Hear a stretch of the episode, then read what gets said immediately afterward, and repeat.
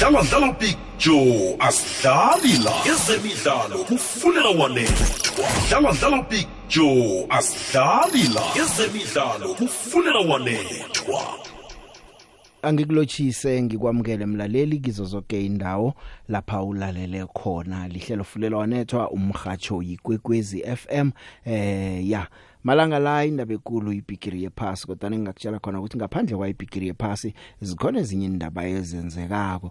Eh sizoyicala ibhigiri yephasi lesithi nasithi phaphana isukako iphela sizithole sisalele emuva. Kunento ezinenge esingasazazi ukuthi kanti zakhamba kanjani lezi eh solo sicale ibhigiri yephasi. Kuyadlalwa ke eh namhlanje kunjalo imidlalo ikhona esesekhona mibili esezako. Eh ngikhuluma nawe nje imidlalo ozoyithola la emhathweni nozo uzoyithola kumabona kude ku SABC eh iyadlala iPortugal neGhana nje. Eh zidlala sikhathi banazidlala ngehour lesithandathu. uThabo Mabhena ukhona uzokuthulela ukusuka nokuhlala eh kumdlalo loyo akhamba nogamela. Bese ke ngehour lethoba ebusuku eh ukhona godo omunye umdlalo lapha kudlala khona iBrazil neSerbia. uTeiswa kwamgidi bano Mike Thombeni ugamela bazokuthulela ukusuka nokuhlala eh komdlalo loyo. Kanti ke umdlalo loyo ke weBrazil eh eh neSerbia uyawuthola ke kuma channels we SABC ku DTT eh channel 4 na ku OpenView 124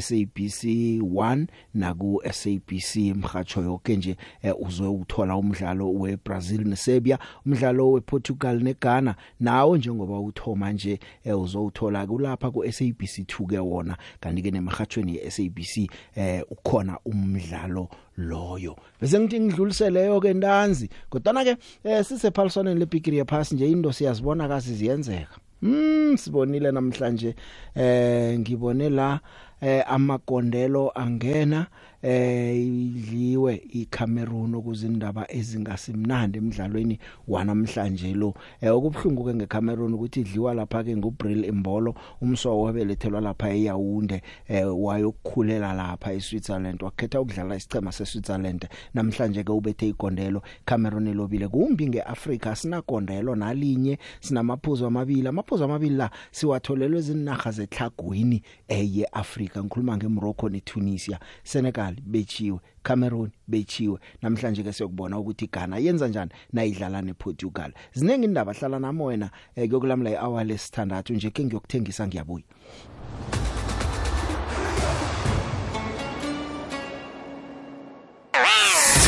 Landela ikwekwezi fm enkundleni sokuthindana ukubana ikwazi ikulandele nawe. Twitter at ikwekwezi underscore fm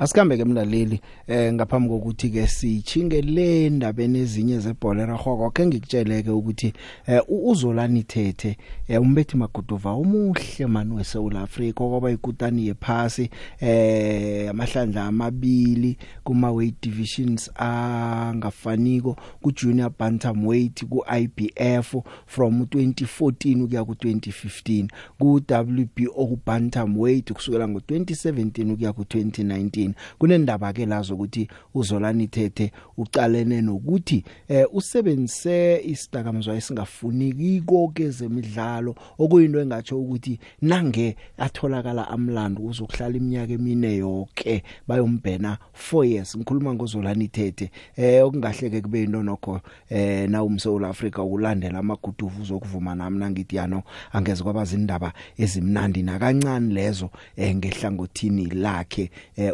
uzolani thethe eh uneminyaka emajuma amathathu neminyaka emine ngwalapha eEastern Cape. Manje ke abaphathi bakhe eh u imanager yakhe eh umlamli Thengi Mfene. Eh uthi noma kunjalo uzomsekela kikho konke uzolani thethe eh imbiko leyiphumela lapha ku Daily Dispatch lapha ke eh, eEastern Cape. Eh uthethe ke bachoke kune banned substance ayisebenzisileko kwindaba ezivela ngemva kokuthi athumba lapha betha uJason Cunningham ngemzombe emi. Emine kuphela wamnokha out ngeround number 4 lapha eWembley ngoJuly amasamples athathwa lapho ke kuthiwe ke aphuma khomsa ukuthi kunentwanyana engekho engakalungi. Manje ke uthenga imfene uthi bacalelele ukuthi kwenziwe ibhusa iB sample iB sample nayibuya kokodi ibuya ifana neA layer ke ekutsho khona ukuthi 4 years imcalile ahlezi lapha angalwi. Eh uthi nakakhuluma ngokuthenga imfene uthi nasekwenziwe konke lokho sakubona ukuthi kuyaphambili senzani? And now as as management we um for starters we are saying let, let's let's go to sample b i know abantu bazathi sample b will give us um, the same result. It's it's fine but we need to tick um, we need to tick that box. And it will come back negative uh, negative positive um, so that we we don't have, we a city 10 years down the line hey had we um opened usample bay inoba sifuna umazi usample bay uthini correct. Ndifuna abantu ndifuna abantu bayi-understande naloo part yabo? Um asifuna usola nto so we're just ticking all the boxes eliminating all the izinto going forward. And after sample b coming back then we'll have to check inoba because if akayithathanga uzolani le nto unknowingly. Uh, know, knowingly, obviously, it's, it's something unknowingly. Mhm. And then we must check why inoba yintoni. Ngaba the possibility ngaba yi is supplements ebezisebenzisa in preparation of the fight. okay Same supplements ebezisebenzisa in all other fights ebetestwa kuzo. Um, so we, we are at, at that point uba we will take those we have supplements that we've been using. We will take them for tests. Um, just to see to, to check ish uba ingaba yile supplement le? If no then siya eliminate. If yes uh, we say for mitigating issues we say we've been using the same supplement in all our preparation. Akho nto siyitshintshileyo and uh, yabo inoba yintoni le ilapha kuyo? Ingaba mhlawumbi contaminated this one that we have used this time around? So those are the processes besawuzenza going forward. Njengoba ngisitsho nje ukuthi sibabantu silibele ngebigiri yephasi kunengi okwenzekako. Eh uthenga imfenelo yena ke seminyaka ayimanage akazolani thethe wasiza nokuvuselela ibizelo lakhe. Eh wamthatha wamfaka ngaphasi kwaka Frank Warren lapha eEngland. Izipe eziningi vele uzilwa lengaphetsheya eh mswa ke olwakuhlehle yena ke. Into zanjezi uyatsho uthi eh njengemanager uzozijamela uzokuthatha ukuziphendulela. Eh uthethe ke ku WBC nje kuma rankings eh uhlangana nabantu nje vele aba rankwe kuhle khulu. WBC imbeka ku position number 8 kuma rankings eh kanti ke uyi contender eh ye nongorwana we junior featherweight eh lapha ophethwe ngu Stephen Fulton. Eh bese kucala ukuthi mhlawumnye ke uza kuya lapho ke kanti na ungathi uyacala ku WBO ukunumber 3 and then bese ku IBF uku number 6 embethi maguduva umuhle eh uyayiraga ke uthenga imfene uyatsho uthi uzola nithethe into le imphethe kumbi khulu. Because everything uzola nayithatha it goes via me. Correct correct. That's why that's why i'm bold to say whatever i've given solane uh, it's something that we've been using and it's something that is esiyitestayo you test our thing with says thina we've got emails that we write says into ethile igama into ethile do you uyayazi says hayi mla ye- yeke leso uyisebenzisa i've got those emails. Into eprovayo into yoba zikhona into esizithathayo qha siyazibuza yeah yabo. I have emails mna where i've written to says so he says i've got a boxer that will be fighting and uza- uzawutestwa. Le nto lena ivumelekile na? Says will come back to me and said no mla ivumelekile enye for instance uthe ayivumelekanga mla in competition. Uzivalane ne-injury yegxalaba i wrote to them. Ndabuza le nto singayisebenzisa na bathi ah siyisebenzisa. I- it is, it is prohibited in competition. Ya ngizoke lezo indaba ke ezingasimnandi. Sisathi sibukele iphaliswano leBigiri yephasi nje nayo leyo siyakhele umkhanyo sibone ukuthi ikhamba njani. Uzola ntete engomnye wabethi maguduva bekhaba iphakamisako iflaga cobe bathola ithuba lokuyokujamela iSouth Africa bayokulwa. Abangajamela iSouth Africa kodwa nakamSouth Africa engaphandle evana ayokulwela nathi nakabuya kosithabe. Akusuyeke yedwa lapha kunemraro khona ke zamaguduva kezogijima nakona comrades marathon nasibe igijima ke eh, iKwaZulu Natal Athletics yalila eh, batsho kunabantu abarobhile kodle abanye barobhe kusagijinywa amaphaliswano qualifyela iComrades Marathon. Abanye kiyo iComrades Marathon leyo eh barobhile. Abantu babe babili basebenzise irace number eyodwa eh ba, ba, ne registration number eyodwa. Kunengi nje ama BPC batsho bakhamba bayawachange endleleni bayawachange endleleni eh kanti ke eh, bebayi9 ababaqalileko ke bathathu batsho ke eh, sebahlanjululiwe abagijimabo. Eh batsho kuyarara nanicala kumadoda eh nanicala ama splits wabo. Abantu abagijimako bayazi nangikhuluma ngama splits ngikhuluma ngani. Eh uthola abantu abakawini ni mara ama splits wabo ba fast ukudlula abawinile kwabo. Kanti kuthethe omunye wagijima ngebelo. Akadinwa kwanike lomunye naye wabamba ngebelo eh manje ke into leyo ivelileke eh ukuthi kunento engakalungi lapho kunye ke emakamereni inomboro bayibona iyodwa kodwa ubusobili nje begijima lo nje begijima lo bagijima ngenomboro yodwa jama ngiyokuthengisa sizwe ngaye la eh umongameli weKwaZulu Natal Athletics uSteve Mkasi vela emkhanyweni ikwekwezi fm khona Yeah, thank you for the opportunity to explain uh, the issue of the Comrades cheat. Well, as KwaZulu Natal Athletics, we are responsible for the technical management of all events in the province. So these uh, athletes were found to have committed one of many offences, including, among others, um, they someone else ran for that athlete to qualify for Comrades Marathon. Others did not run the whole route, so you will find an athlete ran the first five kilometers but did not run the next 25. Um, others cheated for the next for the first 30 kilometers and only joined the route uh, halfway through. Others um, had two athletes competing with the same lic- same PIP number or same license number or same entry. We had two athletes competing on the same race. So the picture evidence, for example, show us two different faces for the same um, entry. And uh, others, you will find that um, the second half of the ra- race, their splits are even faster than the winning um, uh, either lady or li- winning man. So that points to a possibility of cheating. So what we are doing now is to write to these athletes and ask them to give us reasons why their results should not be withdrawn. If they have, they will have seven days to do so, failing which we will then withdraw their results and they'll be subjected to disciplinary proceedings at their mother provinces or country if they are from South Africa. So we have a total of nine athletes now that have been found to have cheated. Uh, three have been cleared. We are looking for two athletes that ran on other people's numbers. Uh, we don't know how they got those numbers, but um, they, we, we are clear that they ran in other people's numbers. So we have the faces, but we don't have the name of the athletes. And we are continuously receiving uh, information about more cheats, and our technical committee is going through them to, to, to try and verify if the evidence points to more cheating. You would know that as KwaZulu Natal Athletics, we are part of the world governing body in in athletics, World Athletics.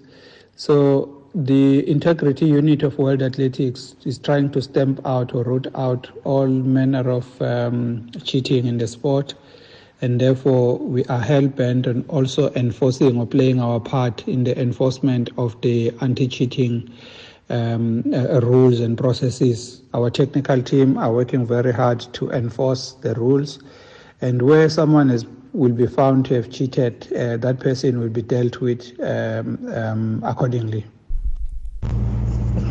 We-picture hayi no angathi uyashaya shaya manje picture hayi Eh, wena makulezi corporate marathon zona hayi khona joe hayi khona ngiyala kusasekhona into enjalo mama leyo ngayigcina mina basho eh abasekorea or ama-china bekathi nakaya ku-dressing room ubuye sekubuya fresh wodwa. Hayi corporate marathon kusashaya ngaleyo tactic ah khona hayi big joe yashayashaya la. Hayi no ndoda hayi Eh no ay eh angifisela igana Big Joe ngathi ngazala kahle eh angifisela igana ukuthi siphakamisele flaga lethu eAfrika. Sonke sesingabagana bagana yaya kabanjalo sibuyele lapho bagana bagana usenzo zakade Big Joe danko nice show. Kubhlungu kuba msola Africa ebholweni ragwako eh noma na ubukela konje ubona ukuthi thana besile khona besiyokwenzani mara? Uzoyazibuza umuntu mara besiyokwenzani ntana besile? Nethe babhlungu ngoba nje sesifavor abo review bethu let ukuthi kube nentwanyana ithi South Africa ikona sinabo review thina. Eh bese sitsho sinorojadisa ukona lapha kuIran.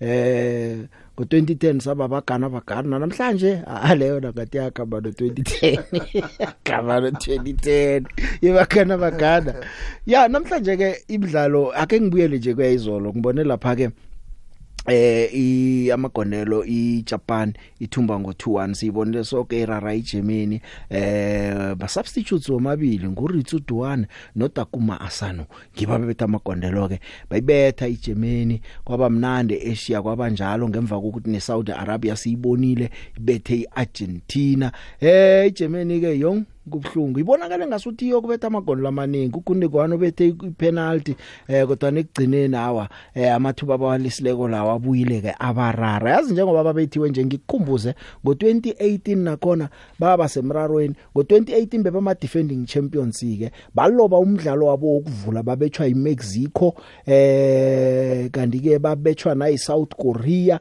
bagcina baphuma kuma group stages iGermany sengikubuyisela emva ngikukhumbuza. Saqala eminye imidlalo ke iSpain hawo madoda kunikela nokuhleka ngaka ibhola. Ayiphasana iphasana inomuntu phasi iSpain? Bethe iCosta Rica ngo7 not yaba ithome kuhle iphaliswano labo lebigree yephasi. Eh ukhumbuleke ukuthi bazingkutani laba eh zango 2010 zebigree yephasi. Eh yeza ke iBelgium. Belgium madoda iGolden Generation akhona lengathi yokuphele eh ingaka ithatha ibigree yephasi na ingaka chechi ithumbile khona Michi Buchwai eh ubethe igondelo bathumba ngo 1 not babetha iCanada ebe bavula usomapala uThibert Courtois save ipenalty ka Alfonso Davids. Eh uBuchwai kwalibetha ke igondelo njalo ke umdlalo una 44 minutes eh bathumba ke iCanada he idlala iWorld Cup nje ngesibili kuphela bayidlalako. Thuba balilisile ngepenalty le mhlawumnye thana bayibethile bekuza kwenzeka intwanyana.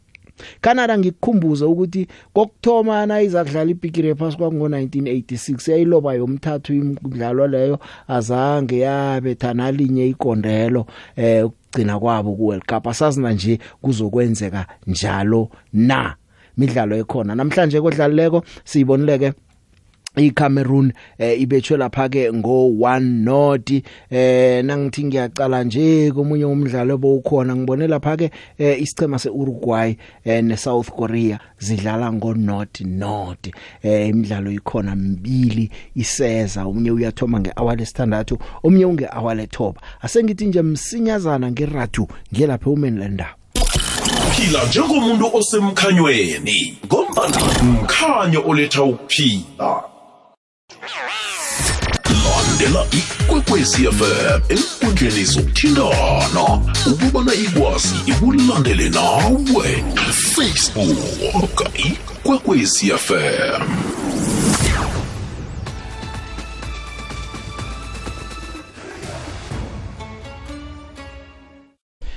ya ijame njalo ke indaba yephaliswano lebigree pass iPortugal iyadlala neGhana eh kungasikade nje ngithatha indambo ngizisakibo ngo9 iBrazil iyadlala neSerbia eh nayo ke uTeisu zabakhona akuthulela wona umdlalo loyo. Midlalo ke ebonakala iza kuba mhlehle eh kusho ukuthi namhlanje iBrazil nayo iyathoma Cristiano Ronaldo naye uyathoma. Wonke amehlo ahlezi phezulu kwakhe. Patrice Mtsipe uchingile enarheni zeAfrika ezidlala akazivakatshela zonke abaphithemba baqinisa amadolo. Negana uyileyo batshela wathi hey madoda yenisebenze sicale nina sithembe nina. Ama Africa wonke athembelekini yenzani into yenzekako sesakubona khona ukuthi eh, baza kusebenza ngendlela ekungiyona ngakelinye ihlangothi ke emidlalweni loya hey iBrazil icaliwe ukuthi izindandokazi ke zokuthi ngalithumba leliphaliswana ngazi. neArgentina kwa izindandokazi kunje akhenge ithome kuhle. Khani eh, ne neBrazil lekuzayikhambela njalo na? Eh siza kubona khona midlalo yephaliswano lebigiri yephasi esiyicalileko njengoba ngike ngatsho ukuthi nokho ke bigiri yephasi isingiyo yodwa into ekhona ephasini kunengokwenzekako. Eh akhe siragekela sinodade nangu Valencia eh wakwasishweni Valencia wakwasishweni eh ngudade okhona la eh kezemidlalo uyi head of media eh ye University Sports South Africa eh uyidosa phambili media team yakhona. Valencia ngiyakwamukela ngiyakulochisa emhathweni kokwez FM yeHSS Ah sanibonani. Unjani? Ngiyaphila kanjani nathi siphilile. Valencia ngibona ungwakwasishweni uyamazi uNick Bazuka sishweni? Ubani? Nick Bazuka sishweni.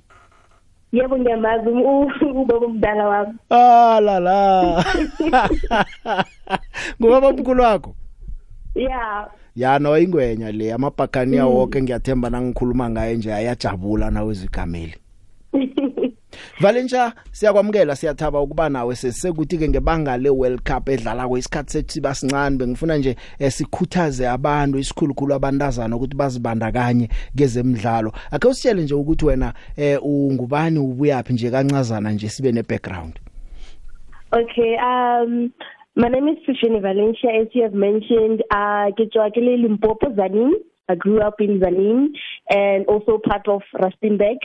Um so mina my journey in sport started when I enrolled AUJ uh, in 2018 for Bachelor of Arts in Sport Communication uh, that I graduated with, and then Manje I just uh, completed my uh, BCom honors in Sport uh, Management, same at UJ. So. Let's look in the media. I started with UJ Cricket, being volunteer corner uh, throughout my undergrad years. Um, um, ngisebenza e-UJ Cricket volunteering as a media officer and then ngazi ngaba i-team manager khona uh ngaba i-secretary futhi khona e-UJ Cricket Yeah. and then I also started with the University Sports South Africa which is the governing body for uh um, university tournaments across uh, uh, South Africa universities uh, and then khona lapho I'm still doing i, i social media um so it's it's it's been a a, a very good journey mm. ne, ne University Sports South Africa because it has given me nama chance to travel abroad you know Yeah. in, in Malawi a few months back for the Southern African uh, uh, Championships where we in Amameda like 45 uh, uh no sorry out 25 as South Africa. Um so it it, it it's uh it's a thing ukuthi most of us as women uh abantu abaningi abasiboni ukuthi you can you can do it when when it comes to sports yabo? Mm. so I would, I would like to in encourage most of of of amantombazana who like to pursue their journey in sport with you know what to go for it. Um there's there's a there's a lot of women who to me na kule industry who I look up to who also help me in my journey when I uh, sometimes I'm confused on what I'm doing. You know every each and every day there's women who come through for me who help me. And also this past weekend I just won an award for the Johannesburg region as a social media manager of the year. Uh so it it, it, it uh, it's been a wonderful journey.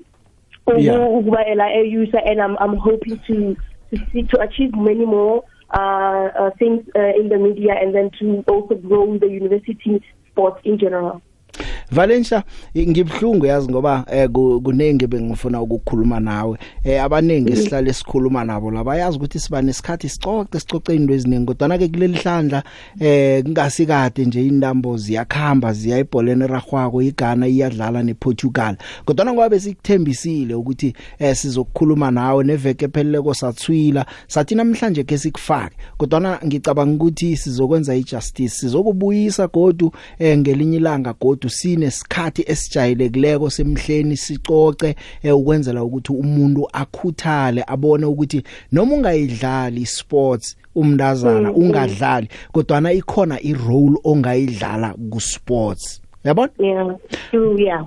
Kwanamhlanje angikulise ukhambe Valencia eh siza kwenza isikhathi sicoce ngithokozile. Okay ngiyabonga.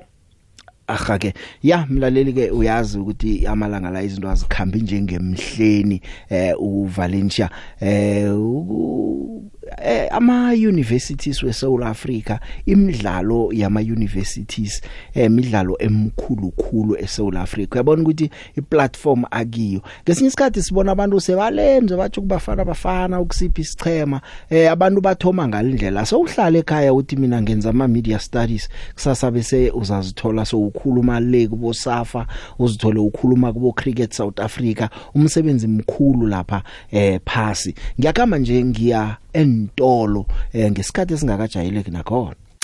Lapha kulomkhanyo khona ithemba likhona. I-sabc sport ibarhatsha abasemthethweni befifa world cup qatar 2022 amalanga amachumi amabili nethoba amachanel amane kamabonakude nentetshi ezilithumi nethoba zemirhatsho sisonke sibumbene ngomdlalo omkhulukazi lo. Nama ngisariyadike ngiyagijima. Khona uThabi noGamela. Thabi? Eh Big Joe, kunjani lapho? Hayi Big Joe sivukile eh nivuke njani? aha kamnandi khulu man eh ngisatshela umlaleli ngithi kufikela nje iAfrika inalo negondelo nelodwa ayikathumbi nomdlalo nowodwa silobe emibili sidlala ngokulingana wodwa ke sibone ukuthi khani igana izalibetha nethi igondelo ke leAfrika Ngo 2010 uyakhumbula bona iSouth Africa nayo igana le ezakhona ukubetha amagondelo emidlalweni okthoma. ngiyakhumbula mm na nje utsho njalo uthi uthi sesithembe yona igana le mhlawumbe izasibethela igondelo nethi igondelo angisakhulumi ngokuwina. raga Thabi noGamela nangu Big Joe. rajiwa kwandre. Akwande gamela unjani? Sihlwile njani na? Aha kamnandi mani. Nokho eh ngiyakuza isililo sakho besisalila ngasemhlanganweni sithi siyokubona sithini? nethi igondelo engasuthi ngathi ubona nethi igondelo ayiwina ni uyazigamela sengibona. Umhlangano, U- ukuthi nasibabantu sifuna ukuba neqiniso asikhohlwe khohlwe ngeAfrika nokuthumba iWorld Cup. Nje asesithi khani nase sifike kuma semifinal angazi nakona kuyokuthatha iminyaka emingaki? Eh kunomuntu owathi kimi nge- nge-2010 abantu beSouth Africa asinalo iqiniso. Alasola bosondaba bonke bona abasibaningi ebakhuluma iqiniso zisuka phasi ebhandeni bona angekhe sakhona ukuthumba ibhigiri yephasi. Kunomuntu erenkeni ebekathi bafana bafana iya final khange sibatshele iqiniso ukuthi no yazi nje ngitheni nangidobidlelo ngithi yong sengizibuza ukuthi mari bafana bafana thana beyile lapha beyiyokwenzani yona banethi ukuya khani seyiye kuphela na? Asinabo abadlali abangasithumbela ibhigiri yephasi enje. Mhlambe ke eminyakeni elisumi nengehla ezako eh asasinabo abangasithumbela ibhigiri yephasi. Ngiqale neSenegal esithi siyithembile bona ngiye ngaye emzombeni olandelako. Ikhandele ngibikhulu bangayibetha namagondela amahlanu nakade uqalile umdlalo bengiuqalile bathome kuhle khulu kodwa into zajika esicunini sesibili kamela raga lapho ke sicale igana lesithemba ukuthi uzima uzasibeka iminyaka emibili em- elichumo ichoko leyo sabe sisekhona mhlawumbe ke kulapha siza kujokona ukuthi iAfrika izayithatha Nina ibhigiri nis- yephasi. nisa- nisakhuluma ngesumi leminyaka nokugamela Eh. thomile ingqhema zithumela abadlali abaneminyaka engaphasi kwalethini esiyiqalileko ukuthi bayokuthola umoya webhigiri yephasi nina nisayokwakha nibala i-10 years. Kunabadlali abana Nasi Spain- 18 kunabadlali abana I- i- 20 oweSpain. Mm. mdlalo omncane. Solo kwagcina ngopele. Upele kwakunguye umdlalo wabamncane khulu kunabo bonke emlandweni Bewabetha ukudlala negondelo. nangiya kumdlali weSpain. Kubani nguKavi nguGavi. Ya bewabetha negondelo nguye omncane kunabo solo nibala i-10 years. Nino nino nogamela bona mhlambe eh siza thina kana una 18 Hayi. sithi iya lapha eh ku disc challenge sikusalapho uyokudlala i disc challenge na ku PSL uqualify ukudlala na una 18 kwezinye inaga abadlali Waba World Cup. waba ne-33 bathi hawu udiniwe bana 37 abo Cristiano Ronaldo. ukhona u- ukhona upepe eh nokho ke ugade ismatch una 39 years brajo uyamazi wena. Ngiyamazi uPepe. bona lijone kangangani? Uba Yabona- umdlali wesibili. Eh. U- Iye, Brajo, ngobukhulu ngikulalela. Ngobukhulu ngobukhulu iye. Eh nguye nobani no no no no ubani nangumswa uJiro? Iye ngoba naye ngomunye wabantu abakhulu eSpain lapha e- esichemeni esichemeni seFrance kokwakho ngase Spain esikhambeni sefrance Olivier. amagondelo amabili iye iye. Hey ragani ngithokozile yazo.